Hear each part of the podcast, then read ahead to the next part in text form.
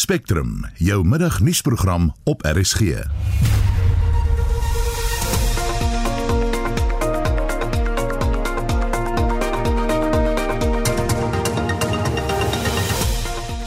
In Spectrum vanmiddag, die werkloosheidsprobleem spook ook by die landbousektor.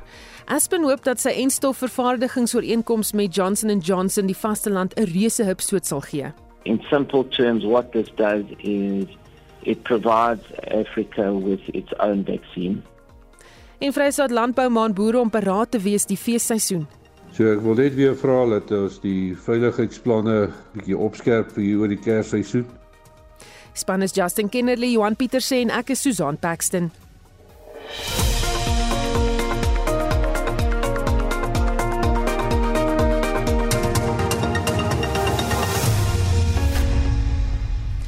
So by kan 6 minute oor 12 jy luister na Spectrum en die nuwe ooreenkoms wat tussen die farmaseutiese vervaardigers Aspen en Johnson & Johnson onderteken is, sal die weg baan vir Afrika se eie enstof teen COVID-19. Die bestuurshoof van Aspen, Stavros Nikolaou, sê hierdie ooreenkoms sal ook verseker dat mense plaaslik eerste toegang het tot enstof en nie agter in die ry staan teenoor ontwikkelde lande nie. Today's announcement is a real game changer for the African continent. In simple terms, what this does is it provides Africa with its own vaccine. The agreement to unpack it a little more is Johnson and Johnson granting Aspen licensing rights for its COVID vaccine. This means that uh, Aspen would now assume the rights to the intellectual property and would be able to produce its own vaccine under its own label. We've given it a brand name. It's called uh. And most importantly, we as Aspen would determine both the allocation and the distribution of the product. The uh, agreement is specific to Africa, so this secures a vaccine for Africa now and into the future. Nicolau verduidelik hoe die vervaardiging van enstof plaaslik tot op hede gewerk het. As you will know, we're presently in a contract manufacturing arrangement with Johnson and Johnson that does have limitations in that Johnson and Johnson, of course, own the product, their product, and they can determine where it gets distributed to. So this is quite a game changer for the African continent. You'll know that Africa has received 3% or less of the global COVID vaccines, and this is set to change when you have the distribution and allocation rights as will become the case through this agreement now. We will still receive the drug substance from Johnson and Johnson, but we will do the fill and finish under our own terms, own brand label, and as I said earlier, determine the fate of where the vaccine goes, so to speak. Nicolau sê die nuwe ooreenkoms sal beteken dat Aspen sy produksiekapasiteit sal vermeerder. To date, which is a roughly covering about a five month period under the contract manufacturing arrangement, We've produced over 100 million doses thus far. Of course, when we go into uh, this new licensing arrangement, our existing capacities are 300 million dose annualized capacity. We've also gone on public record to say that we will be expanding our capacities during the early parts of next year to 450 million doses and in the medium term to over 700 million doses. So those are the capacity that we either have in place or are looking to have in place futuristically. That should be juxtaposed against the annual requirement of vaccines for the COVID vaccines in this instance for the continent, which is around 800 million Africans need to be vaccinated with the COVID vaccine futuristically. Nicolau sê dit is nog nie duidelik hoe die ooreenkoms die prys van die enstof sal beïnvloed nie. Our initial focus certainly in the next couple of days and weeks is to execute the regulatory approvals. There's various accreditations we need to secure and to set up the logistics and supply chain arrangements. A little premature to talk on pricing because we're at this early phase. We are, however, committed, and that's why we've gone into this arrangement in the first instance, is we are committed to uh, enhancing access of a vaccine uh, to Africans on the continent. Hy sê Aspen is ook gereed om soos die COVID virus verander aan te pas daarbey. The purpose of COVID vaccines is to prevent severe disease and death. And there's overwhelming evidence now with all the vaccines, including the Johnson and Johnson option, that these vaccines are highly effective at preventing both severe disease and death. There were reports this morning that was the the, late, the latest spate of hospital admissions is largely related to unvaccinated people. So these are effective vaccines. Um, it's it's an evolving science. Remembering that we this is a brand new pandemic, and it's not unusual to have in most vaccination programs a primer, as we call it. That's the first dose that you get, followed up by a booster shot. It's certainly going in that direction. The data from Johnson and Johnson, which has been uh, released publicly and uh, rehearsed over many different platforms, is that a two-dose shot is highly effective at preventing both severe disease and mortality. And it's certainly headed in that direction where we are likely to see a booster shot being administered. Of course, there's a massive study called Sesonke 2 presently underway, which is evaluating precisely that, a second booster shot, or second dose, I should say, which is a booster shot of the J&J option. So I think we should never lose sight of the fact that primer and booster shots are, are pretty much the norm in vaccination programs, whether you're looking at HPV or any other vaccination program. En dit was die bestuurshoof van Aspen Stavros Nikola wat vroeër met SAK nuus gepraat het. As daar integriteit in 'n regering is in teenstelling met korrupsie, dan tree die regering en samelewing um, instellings op tot voordeel of eerder samelewing se instellings op tot voordeel van die burgery. Dis die mening van professor Erwin Schwella, die dekaan van die skool van sosiale innovasie aan die Huguenot College op Wellington, waar daar vandag 'n 3 dae lange konferensie oor integriteit en leierskap begin. Ons praat nou met hom. Goeiemiddag Erwin. Middag Susan, middag luisteraars. Waaroor presies gaan die konferensie? Dit gaan oor die idee van integriteit. En die idee van integriteit is 'n is 'n sentrale samelewingswaarde wat ons almal behoort te hê. En as jy dan nou gaan kyk net uit 'n morele hoek, dan is dit eintlik iets wat sê jy ons almal die die samelewing moet die regte ding doen selfs as niemand kyk nie. Dis dan 'n morele konsep, maar nou het ons die morele konsep het ook 'n monetêre waarde selfs. En as ons daarna kyk, dan kan ons sê dat as as ons integriteit het, dan doen ons dinge op 'n manier wat eintlik ook vir ons geld spaar. In die sin kan jy sê dat die morele kant van integriteit sê ons moet die regte goed doen omdat dit dit is die regte ding is om te doen en dan die monetêre of die meer materiële gedeelte van integriteit wat soms misgekyk word sê as ons dit nie doen nie gaan dit gaan dit ons baie geld kos. Korrupsie kos ons nie geld nie, dit wat mense letterlik sterf.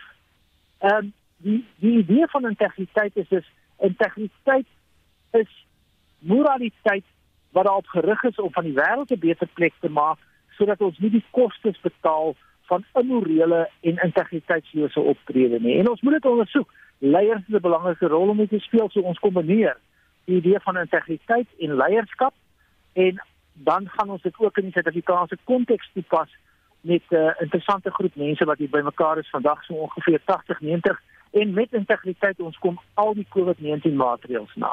Hm. Skoot om te hoor Arwin, maar sê gou vir my, hoekom is dit nodig om nou nog in hierdie tydstip 'n uh, gesprek oor integriteit te hê? Is dit nie iets wat mense klaar moet verstaan en toepas nie? Wel ek dink as ons gaan kyk na wat ons in ons samelewing sien afspeel, ehm um, dan is dit juis nou die die die tyd om hierdie gesprek te hê. Dit wil lyk asof vir mense uh, die aanname maak dat jy dit dit is iets wat eintlik intrinsiek is en ons almal gaan dit doen. Maar ongelukkig het ons getuienis vir die teendeel. Ehm um, ons het ons het getuienis van miljard Arwen is jy nog daar? Arwen? Nee, lyk vir my ons het 'n probleem met daardie syn. Ons gaan uh, kyk of ons 'n bietjie later kan terugkry, maar dit was professor Erwin Schwena, die dekaan van die skool vir sosiale innovasie aan die Huguenot College op Wellington. Stygende werkloosheid is die grootste drywer van armoede in Suid-Afrika. Dit hou nie net 'n bedreiging in vir maatskaplike stabiliteit in ons land nie, maar dit erodeer ook die waardigheid van diegene wat sukkel om werk te kry en wat nie in staat is om hulle self en hulle gesinne te voed nie. So sê Christo van der Rede, uitvoerende direkteur van Agri SA in reaksie op gister se werkloosheidssyfer wat bekend gemaak is deur Statistiek Suid-Afrika. Die werkloosheidskoers in die derde kwartaal het met 0,5% gestyg tot 'n rekordsyfer van 34,9%. Die uitgebreide definisie van werkloosheid het tot 46,6% toegeneem. Ons praat nou met Christo van der Rede van Agri SA. Goeiemiddag Christo. Middag Susan, middag aan al die luisteraars. Jou reaksie op die werkloosheidssyfer wat bekend gemaak is. Dit bly vir ons 'n uh, absolute uh, tragedie dat ons onsself jaar of kwartaal na kwartaal uh, in 'n posisie bevind waar die situasie net versleg. Ons sien dat werkloosheid neem toe in die land en ons sien die implikasies daarvan veral op uh, sosio-maatskaplike terreine. Uh, die uitbraak van die geweld aan KwaZulu-Natal uh as ook uh, allerlei ander uh, sosio-maatskaplike probleme wat ons ervaar in die land. Uh, kan jy op uh, op 'n direkte of op 'n indirekte wyse toeskryf aan 'n toenemende werkloosheid. Die landbousektor is gewoonlik 'n ligpunt in die werkloosheidssyfer. Hoe het die sektor spesifiek dan nou gevaar? Die die sektor ehm uh, uh, het het redelik goed gevaar. Ons sien uh, jaar op jaar ehm uh, ehm uh, uh, toename in 'n uh, werkskepping uh 3% ons uh, dig by 829000 werksgeleenthede wat die landbousektor skep. Uh, ons wil graag by 'n miljoen werksgeleenthede uitkom en dit wil by 'n groter uitdaging want uh jy weet boere sukkel met uh, allerlei insetkoste. Ons het 'n geweldige stygings in diesel en petrolkoste gesien die afgelope tyd as ook 'n uh, stygings in insetkoste soos kunsmis en ander uh, tipe goed wat die boer nodig het op grondvlak en uh, dit bring mee dat uh, hulle nie meer werksgeleenthede kan kan skep in die landbousektor nie. Voeg daarby die nasionale minimumloon, uh, dan dan uh, jy weet uh, plaas 'n uh, sektor wat die potensiaal het om baie werksgeleenthede te skep geweldig onderdruk. Die groot vraag is seker wat is die oplossing tot die werkloosheidsprobleem hier in Suid-Afrika? Reg, ons weet die kwessies is voor die hand liggend. Ons sit met 'n baie rigiede arbeids uh, uh jy weet regulatoriese raamwerk. Uh, dit moet aangespreek word. Uh ons moet die hele kwessie van 'n nasionale minimumloon uh, gaan hersien. Uh dit is belangrik dat mense 'n menswaardige loon betaal moet word. Maar uh ons hou 'n hele klomp jong mense uh uh ons ontneem hulle van 'n geleentheid om toe te tree tot die tot die uh uh werkgewersmark. Uh, dan uh, die ander probleme hou maar verband met ehm um, jy weet uh, allerlei onbuigsame uh, uh beleide ehm uh, goed wat op uh, die besigheidssektor afgeforceer word. Ons sê ek maak die uh, ekonomie vry. Raak ons slaaf van bureaukratiese rompslomp. Uh, bring die koste van administratiewe pryse soos petrol, diesel en elektrisiteit af. Maak dit meer bekostigbaar. En dan help uh, met allerlei uh, regerings uh, uh insette uh, produksie-ondersteuning in terme van die landbousektor om dit maklik te maak om meer mense in diens te kan neem. Christo, jy daarna verwys insetkoste, brandstofpryse het weer gestyg. Die departement het vroeër gesê hy het 'n fout gemaak met die petrolprys aankondiging. Dis nie 81 sent nie, maar wel 75 sent. Maar dis nie veel van verligting nie. Uh dit is nie veel van 'n verligting nie, maar uh jy weet 'n ding wat uh, uh deesdae toenemend kop uitsteek is dat uh, staatsinstellings uh, wat veronderstel is om die regte syfers deur te gee na die publiek toe al hoe meer uh, foute maak. Dit uh, uh jy weet kompromiteer die integriteit van uh, die prosesse wat uh, verband hou met uh, die uh, navorsing wat agter daai syfers sit en dan uiteindelik die berekening daarvan en die bekendstelling daarvan. Dit is vir ons onaanvaarbaar. Mense wat verantwoordelik is vir hierdie foute moet uh, aanspreeklik gehou word. Uh, en uh, daarmee saam uh, moet ons seker maak dat ons nie die integriteit van hierdie tipe van belangrike uh, ekonomiese indikators in die wiele ry nie. Maar uh, dit bring groter verligting natuurlik vir ons as die publiek mee en ons is dankbaar daarvoor. Maar uh, ons kan nie voortgaan om hierdie foute te maak nie. Dit volg kort op die hakke van die departement wat gesê het hulle gaan nie die besonderhede of die syfers ehm um, bekend maak voor, voor dit nou uiteindelik aangekondig word aan die einde van die maand nie. Ehm um, dit was so half 'n snaakse aankondiging van die departement af. Die verskoning wat die departement gebruik is dat die AA blykbaar uh, hierdie uh syfers misbruik om uh die die die die, die uh brandstofpryse vooraf uh te daarop oor te spekuleer en dan daai tipe van inligting deur te gee aan die publiek. Nou dit is vir ons totaal absurd. Uh waarom uh die publiek, die groter publiek penaliseer omdat een instelling konseis uh um volgens hulle die inligting misbruik. Ek dink die departement moet teruggaan uh sodat 'n mens uh, presies kan weet uh, jy weet of of ja, hierdie oor en onderling onderverhalings op die brandstofprys moet daagliks gepubliseer word want dit help natuurlik om die publiek ingelig te hou en dit help ook die departement self om seker te maak dat indien hulle syfers aankondig aan die einde van die dag dat daai die korrekte syfers is. Baie dankie, dit was die uitvoerende direkteur van Agri SA, Christo van der Rede. Met die feesseisoen op hande het Vrystaat Landbou ernstige beroep op boere gedoen om uiters beraad te wees en seker te maak dat veiligheidsplanne in plek is. Dit nadat twee boere binne 24 uur in die provinsie aangeval is. Jacques Leroux, voorsteur van Vrystaat Landbou se landelike veiligheidskomitee sê daar is 'n paar goed wat boere kan doen om veilig te wees. Die vinnige optredes van rolspelers binne die veiligheidsplan lei tot groot suksese hiervan as daar met groot met geld gewerk word en jy gaan haal geld of jy sê vee of wat jy verkoop het en jy wil dit gaan haal moet asseblief nie alleen gaan nie. Sorg dat jy iemand saam met jou het wat weet wat jy bystand het. So ek wil net weer vra dat ons die veiligheidsplanne bietjie opskerp vir hier oor die kersseisoen die mense is bedrywig. Wat interessant is is dat albei gevalle die oggend vroeg plaasgevind het. So ja, ek kan net sê kom ons glo en vertrou dat die Here se hand van beskerming oor ons almal sal hou, dat ons 'n veilige en geseënde Kersfees kan geniet en uh dat ons nie met nog verliese vorentoe op ons op die lys kry nie. Dit was Jacques Leroux, voorsitter van die Vrystaat Landbou se Landelike Veiligheidskomitee. Ons praat weer met Erwin Schwella. Hy is die dekaan van die Skool vir Sosiale Innovasie aan die Huguenot College op Wellington. Ons het vroeër met hom gesels oor integriteit in 'n konferensie wat daar gehou word. Erwin, is jy daar? Ja, ek is hier. Jammer oor daai uh uh die skyn wat verdwyn het, maar hier is ek. Goed, so uh, ons was besig om te gesels oor hoekom is dit nodig om nou nog 'n gesprek oor integriteit te hê? Is dit nie iets wat mense klaar moet verstaan en toepas nie? Wel ek dink eh, die punt wat ek begin maak is om te sê dis juist nou die tyd. Ehm um, as ons gaan kyk na die getuienis wat ons in die verband het, dan het ons eintlik uh op 'n manier uh totaal misluk uh in die vestiging van 'n integriteitskultuur wat absoluut noodsaaklik is om ons grondwet byvoorbeeld te laat werk. So daarom koppel ons hierdie konferensie ook aan integriteit is in 'n sekere sin die onderbou die basiese waterstruktuur wat ons nodig het om ons grondwet te laat werk, om ons regering te laat werk en sonder integriteit uh kry jy slaggate en paaie. Uh val die die rand se waarde. Uh is daar korrupsie met gesondheids uh, instellings selfs tydens COVID-19. Met integriteit het jy 'n situasie dat die dat die die die, die handel gaan op, die welvaart van mense verbeter. En dit bevestig die punt wat ek net nou gemaak het. Integriteit het verseker 'n morele waarde, maar dit het ook 'n monetêre of 'n materiële waarde. En en en dis nou die tyd om daaroor te praat. Dis eintlik altyd die tyd om daaroor te praat en spesifiek nou omdat ons bewyse het van 'n absolute afbreek en gebrek aan integriteit in baie van ons instellings. Baie dankie. Dit was professor Erwin Swela, die dekaan van die Skool vir Sosiale Innovasie aan die Huguenot College op Wellington.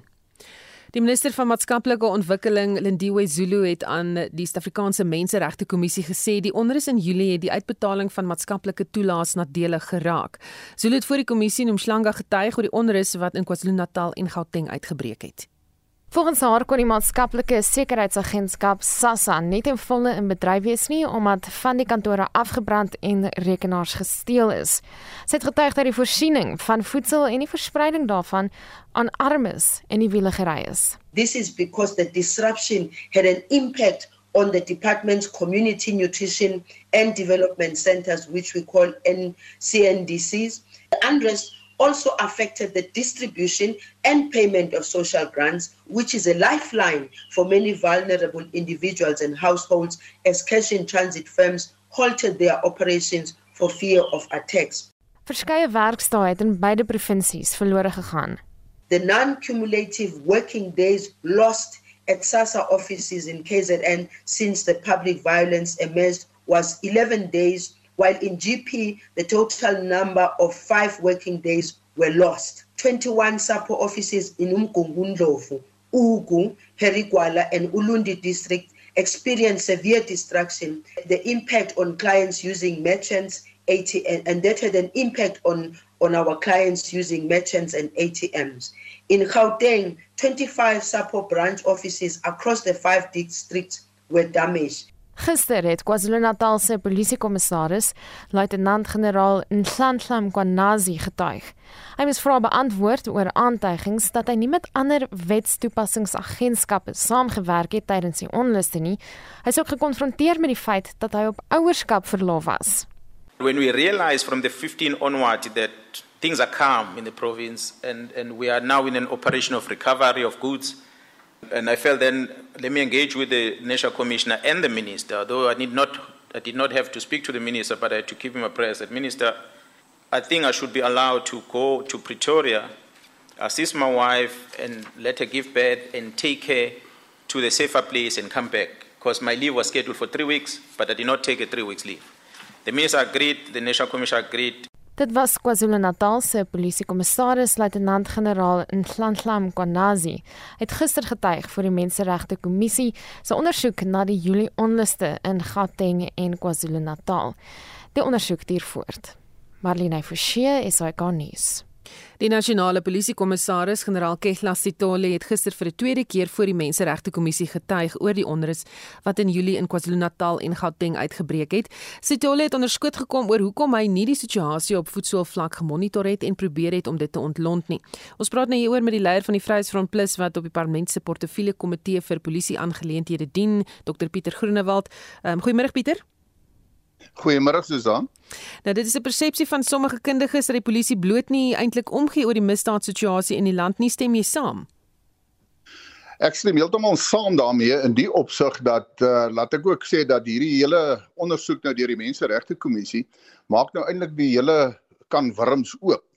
En dit is eintlik uh, vir die mense van Suid-Afrika om nou agter te kom in wat se warboel die Suid-Afrikaanse polisie diens tans is met hierdie aangeleentheid. En dit is deel van die probleem wat ons nog altyd sê. As ons gaan kyk byvoorbeeld na misdaadstatistiek, ons kyk jaarliks daarna.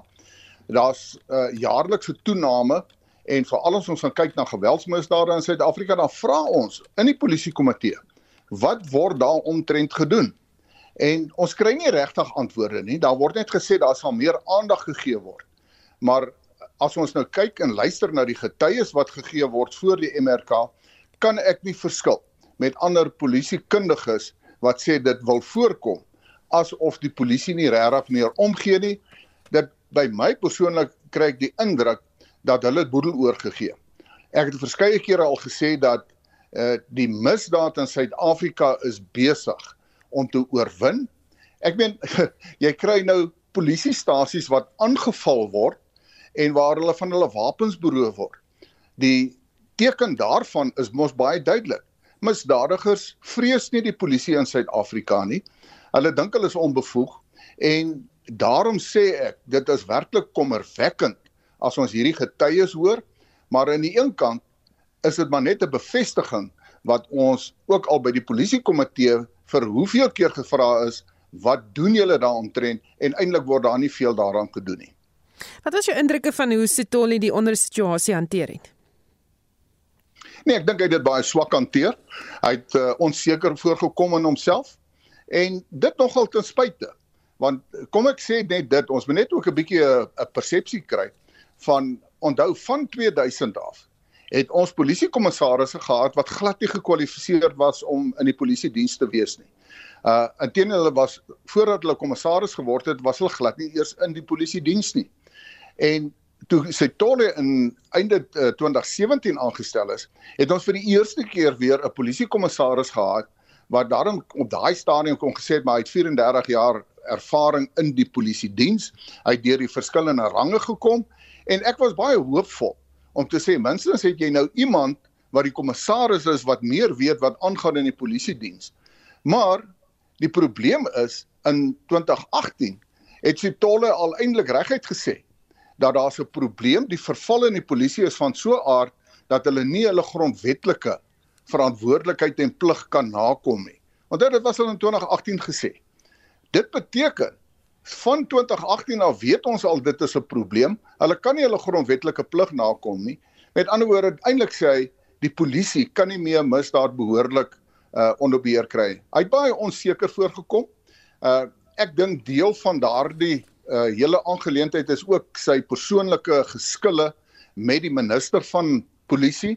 Uh ek meen hy moet eintlik nou verduidelik uh, aan die president en hy het nou waarskynlik al sy brief gestuur hoekom hy nog moet aanbly as kommissaris van polisie en ek glo dit plaas druk op hom. Ek kom nie op vir Sitole nie. Uh die feit van die saak is net ek as 'n gewone burger het meer verwag van my polisiekommissaris om daar te gaan getuig uh met meer selfvertroue want dit sou dan die indruk gewek het dat die polisie is tog nog in beheer. Maar dis baie duidelik. Die polisie is nie behoorlik in beheer wat misdaad betref nie en daar is baie goeie polisielede, maar dis misdaad is buite beheer in Suid-Afrika. Pieter, dit was ook duidelik uit die gesprekke daar dat uh, die polisie die hele tyd gesê het almal wat ondervra is wat gesê het, maar goed, ons het nie die inligting gehad nie. Niemand het vir ons gesê wat aangaan nie. Ehm um, dui dit ook op 'n groot probleem en dis daardie inligtingskwessie. Verseker dui dit op 'n groot probleem en ons kan gaan teruggaan na uh, Mdluli toe hy die hoof was uh, van uh, intelligensie by die misdaadintelligensie waar alles misbruik was nie om misdaad te bestry nie, maar vir persoonlike faksiegevegte binne in die ANC, selfs met ander woorde vir politieke doeleindes. Ons betaal nou 'n duur prys daarvoor. En uh, ons het van die begin af ook ek persoonlik ook gesê, dis duidelik dat die intelligensie agentskappe en ek praat van hulle almal. Uh jy kan praat van die staatsveiligheidsagentskap, jy kan praat van militêre inligting, uh jy kan praat van die misdaadintelligensie, het Suid-Afrika en sy mense gefaal want ek meen ek was daar met die portefeulje komitee toe ons 'n besoek gebring het in KwaZulu-Natal waar die minister regtelik erken dit nie hy of die kommissaris nie hy het by name genoem die kommissaris van polisie Setolle het geen vooraf misdaad inligting ontvang dat dit is die so waar die ding op gaan uitspeel nie. Dit beteken dat daardie strukture het nie hulle werk gedoen nie. Ek gee nou nie om wie wat sê nie want ons het gesien wat was die gevolge daarvan en as hulle hulle werk gedoen het dan sou nie gebeur het in Julie maand wat wel gebeur het nie. Baie dankie. Dit was Dr Pieter Groenewald, die leier van die Vryheidsfront Plus wat op die Parlement se portefeulje komitee vir polisie aangeleenthede dien. Jy luister na Spectrum elke weekmiddag tussen 1 en 2. In die volgende halfuur van Spectrum 80% van onderwyspersoneel is tot dusver ingeënt. I have no doubt that our schools are COVID ready. En die matriek uh, eindeksamens is so te sê verby ons vind uit hoe dit verloop het. Bly ingeskakel.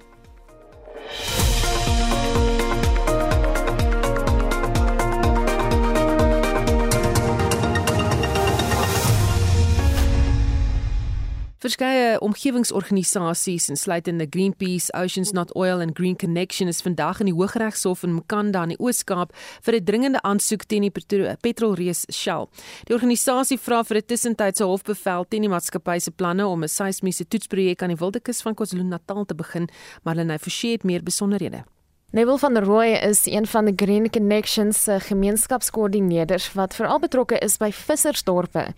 Hy sê Green Connection beywer hom nie net vir die bewaring van die omgewing nie, maar ook vir die voortbestaan van vissersgemeenskappe wat afhanklik is van die see. Dit beteken vir hulle brood op die tafel, So twee weke gelede was ek onder in Port St Johns gewees en een van die visser manne sê vir my daar, hy is 35 jaar oud. Ek as 'n visserman vanaf ek in my moeder skoot was.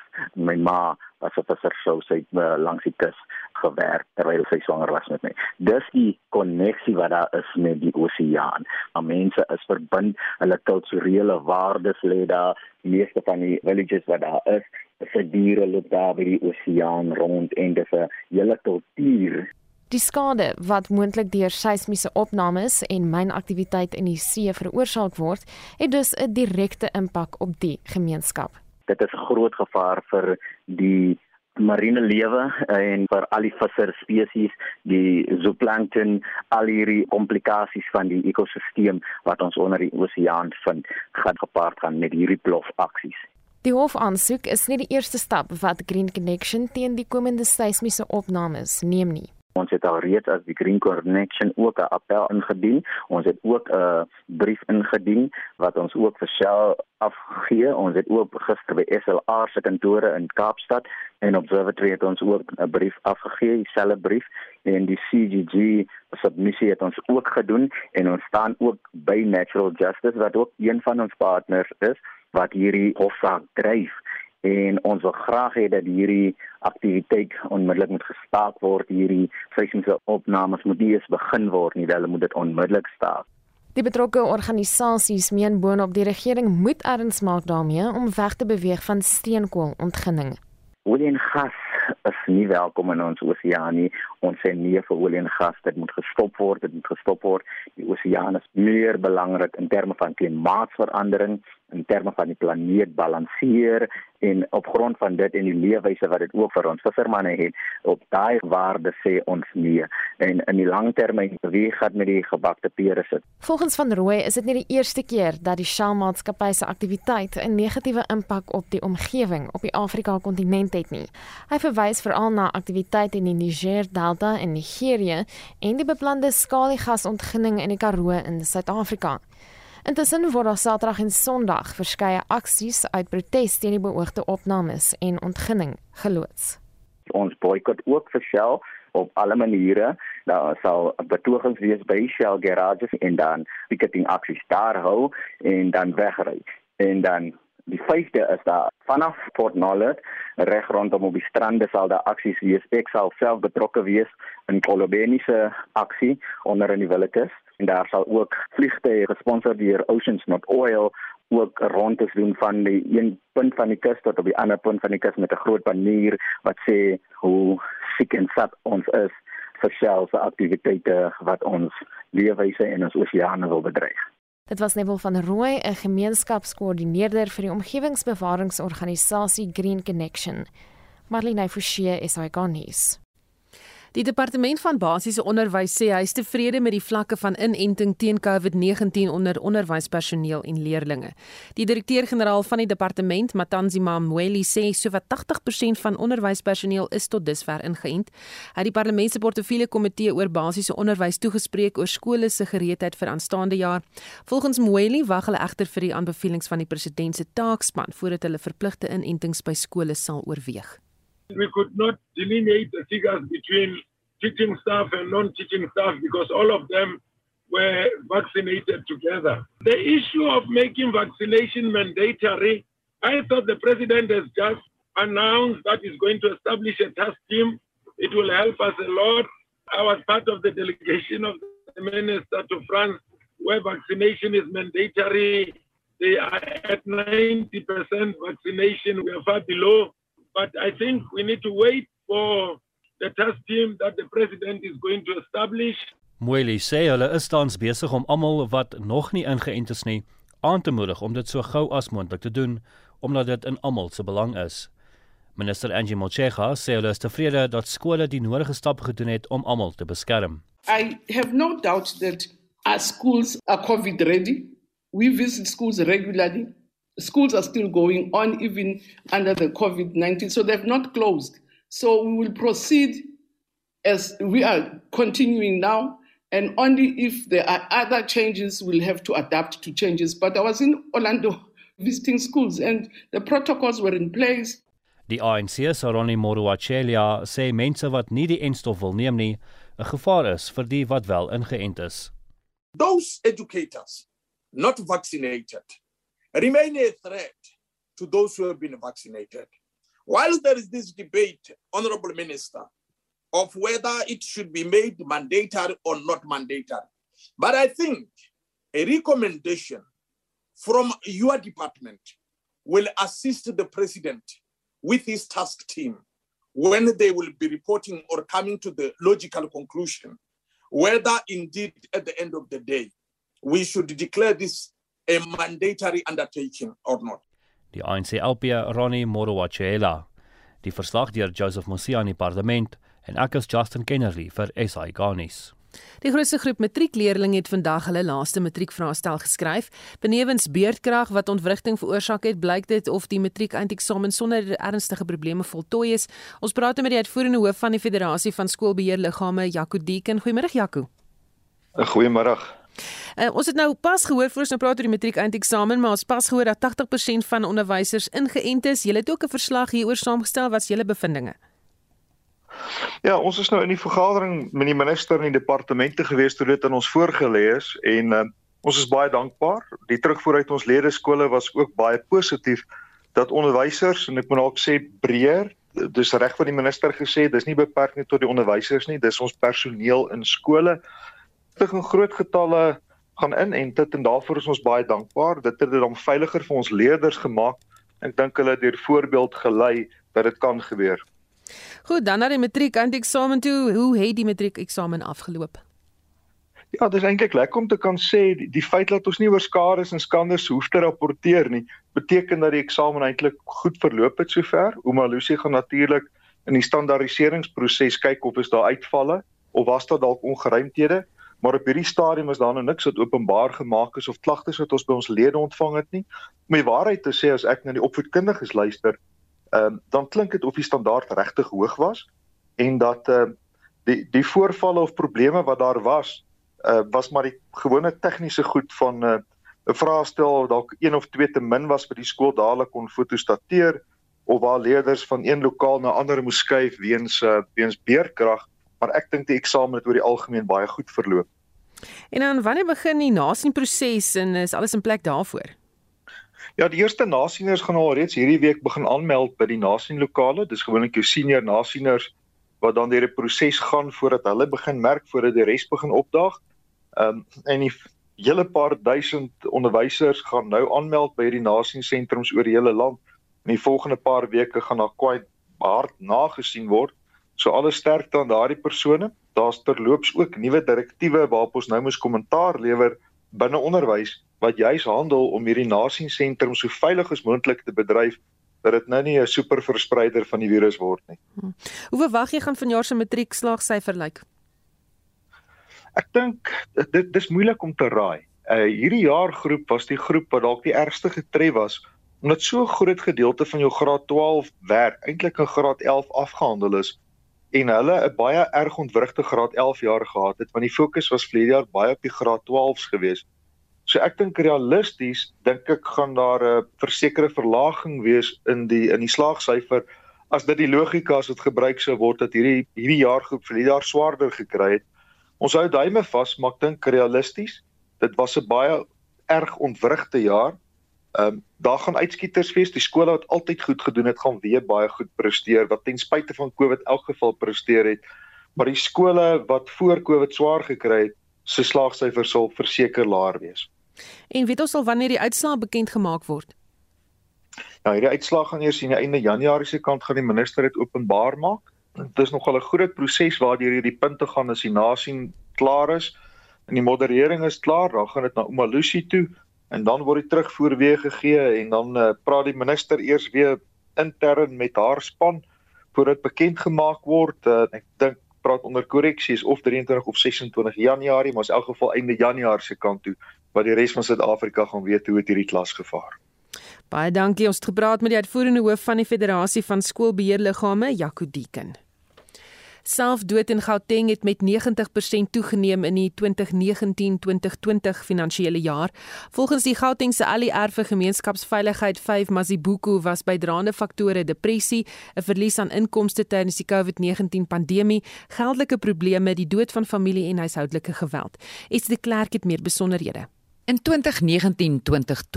is 659 selfdoodgevalle by die polisie aangemeld, terwyl net meer as 1300 gevalle sedert Maart verlede jaar aangemeld is. Die jongste gevalle was onder twee seuns van 10 jaar oud, maar altesaam 118 selfdoodgevalle onder kinders tussen 10 en 19 jaar is aangemeld. Die oudste geval wat aangemeld is, was onder 'n man van 96 jaar. Die statistiek is in die Gautengse wetgewer bekend gemaak na aanleiding van 'n vraag van die DA parlementslid Refilwe Ntshege. Sy is deel van die wetgewer se maatskaplike ontwikkelingsportefeulje komitee. Sy sê sy werk veral in die Tembisa Township en Kempton Park en sy het situasies waargeneem oor die afgelope 2 jaar tydens die COVID-19 pandemie waar talle mense alle hoop verloor het. I started noticing because you know that hospitality industries were closed, so restaurants and those kind of facilities were closed.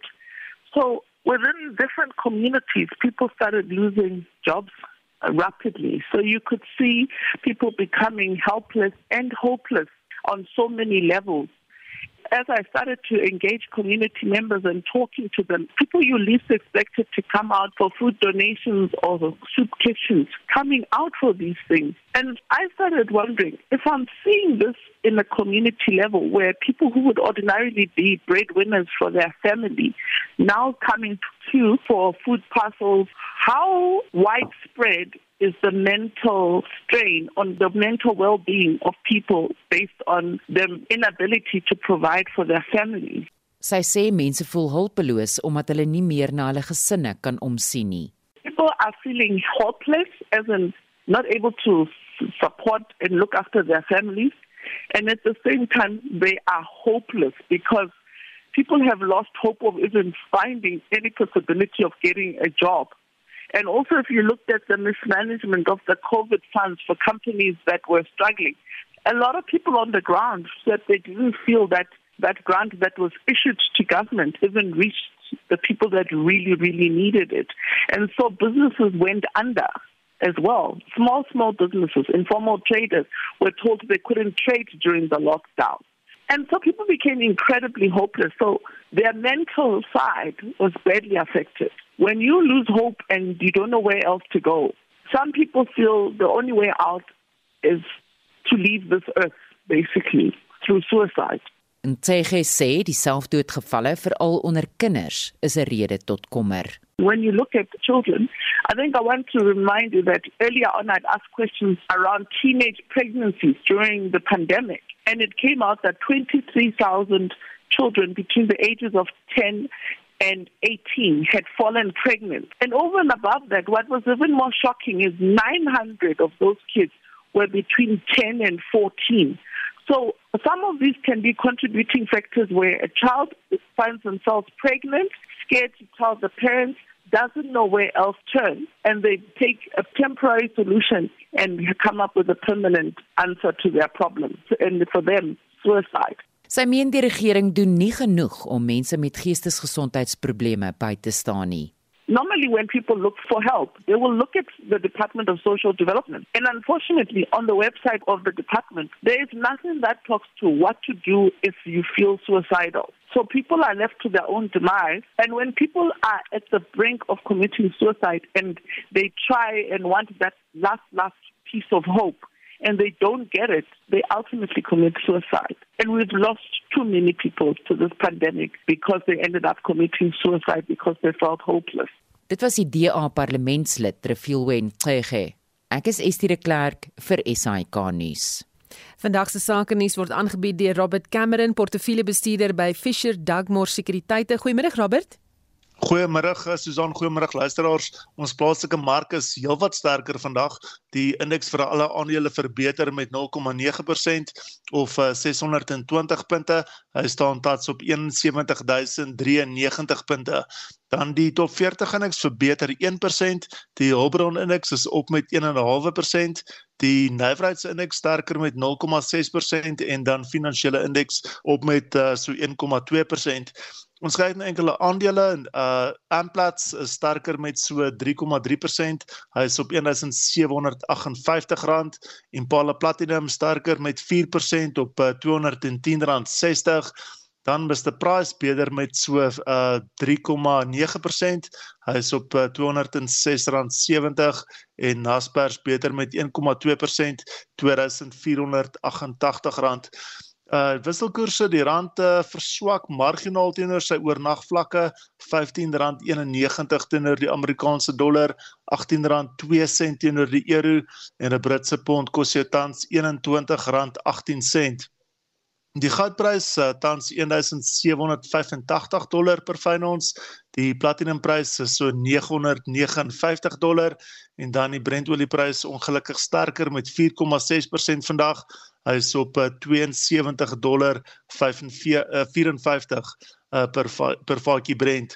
Uh internasionaal sien ons oornag het die Dow Jones uh, 1,9% uh, swakker gesluit. Uh daar uh, in teenstelling daarmee dan die groot Europese markte baie sterker vandag. Die FTSE 100 in Londen is op met 1,4%, die DAX in Frankfurt sterker met 1,6 en dan die CAC 40 in Parys uh, beter met 1,4%. Dan laasens die S&P termynmark uh, sterker met so 1,2% op hierdie stadium en dit dui dan uh, op 'n sterker opening uit Amerika later vanmiddag. Baie dankie dis er van vandag se sake nuus. En dit was Robert Cameron, portefeuljebestuurder by Fisher Dugmore Sekuriteite.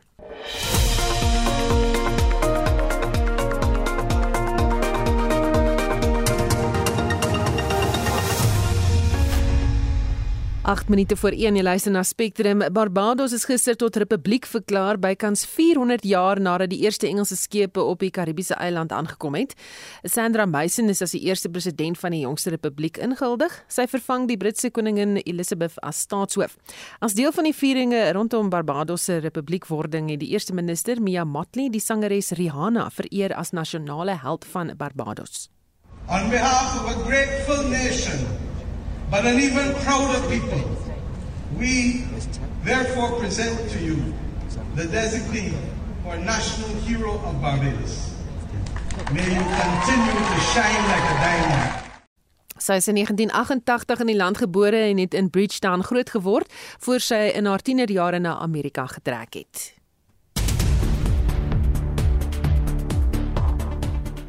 Spectrum staan einde se kant toe, maar voor ons groet het Marlenae vir sy opsomming van die afgelope uur se hoofnuus en stories wat nog ontwikkel. Dis wêreld HIV Vigsdag in die Hitsmerk World AIDS Day is nommer 1 op Twitter se lys van gewilde onderwerpe en verskeie rolspelers het reeds vandag hulle menings in die media gelig oor hier's van die fokuspunte. The overall decline in condom use over the last couple of years remains a serious concern to us as SANAC. Condoms remain the easiest and most accessible method of preventing the spread of HIV.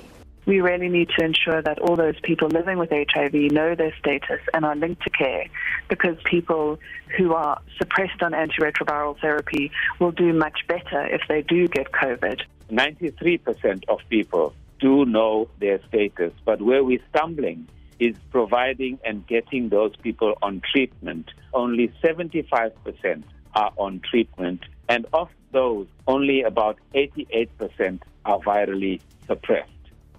Nog 'n storie wat ons dophou is die kommissie van ondersoek na staatskaping wat vanmiddag om 2 uur hervat waarnemende hoofregter Raymond Zondo sal na verwagting uitspraak lewer in 'n aansoek van die voormalige hoof van korrektiewe dienste Arthur Fraser om sekere getuies te kan kruis ondervra. Die stygende werkloosheidsyfer trek steeds aandag. Dis die grootste drywer van armoede in Suid-Afrika, die uitvoerende direkteur van Agri SA, Christo van der Rede, sê die landbousektor bied 'n silwer randjie, maar volgens hom kan daar meer gedoen word om werk te skep in landbou. Ons sien 'n uh, jaar op jaar toename. Ons uh, dig by 829000 werksgeleenthede. Uh, ons wil graag by 'n miljoen werksgeleenthede uitkom en dit wil by 'n groter uitdaging want boere sukkel met allerlei insetkoste. Ons het 'n geweldige stygings in diesel en petrolkoste gesien die afgelope tyd. Voeg daarby die nasionale minimumloon, dan plaas jy 'n sektor wat die potensiaal het om baie werksgeleenthede te skep geweldig onder druk. En op die internasionale front, die VN-sekretaris-generaal en die voorsitter van die Afrika-Unie Kommissie vergader vandag oor onder meer die konflik in Ethiopië en die pandemie. En dit was Marlenae Forsie met 'n opsomming van die afgelope uur se hoofnuus en stories wat nog ontwikkel. daarmee groet die Spectrum span. My naam is Susan Paxton. Geniet jou middag.